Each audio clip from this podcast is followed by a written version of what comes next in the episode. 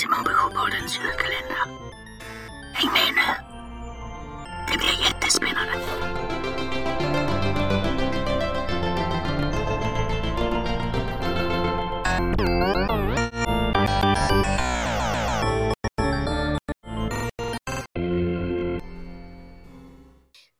Elfte december.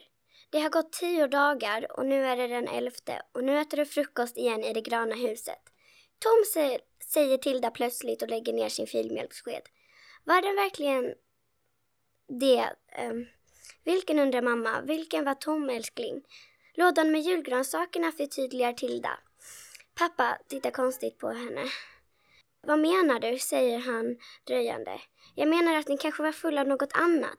Men pappa svarar inte. Han bara fortsätter att titta, fortsätter att titta konstigt på Tilda.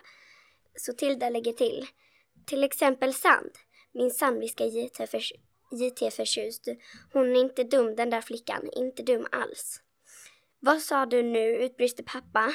Men hur kunde du veta det Tilda gumman? Tilda rycker bara på axlarna och återgår till att äta sin filmjölk. Men mamma säger att hon väl aldrig har hört talas om något så underligt. Sand i julpyntslådan.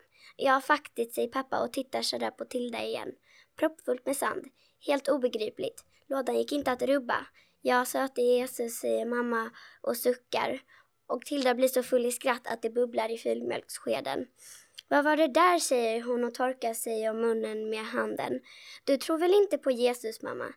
Nej, väst JT irriterat. Tro, varför skulle någon tro på något längre? Skrufs drar honom besvärat i det röda ärmtyget. Vill att han ska komma. Vill att han ska sluta. Vill, vill att allt ska vara som vanligt, som det brukade vara. Som det alltid har varit. Söte Jesus, funderar pappa och så kommer han plötsligt på. Julkrubban ropar han och reser sig hastigt från bordet. Just det, julkrubban. Den låg väl inte i lådan. Han störtar in i sovrummet och det hör honom rota i klädkammaren. Galgar som rasslar till när det faller och skor och väskor som välts runt. Så kommer han tillbaka med en dammig kartong i famnen. Nu ska du få se Skruvs, eh, säger JT, JT förväntansfullt. Um, och Skruv släpper taget om hans ärm och tänker att det ändå inte tjänar något till. Småtroll kan inget göra. Titta noga nu och Skrufs tittar mot sin vilja.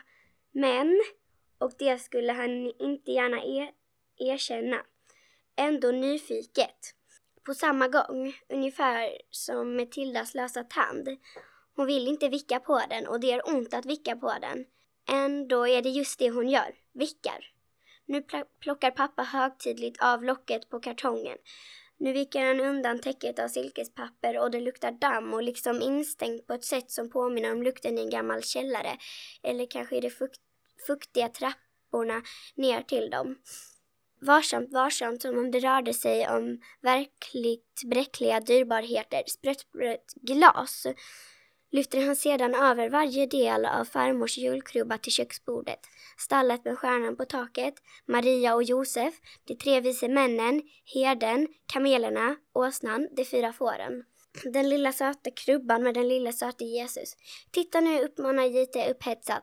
Men vad är det med Jesus, säger Tilda och böjer sig fram. Och nu ser hon, och nu ser mamma och pappa och Skrufs. Det är bara ett litet skelett som ligger i halven. Hej, jag heter Agnes och jag går i 3A. Jag hoppas att ni lyssnar på kapitel 12.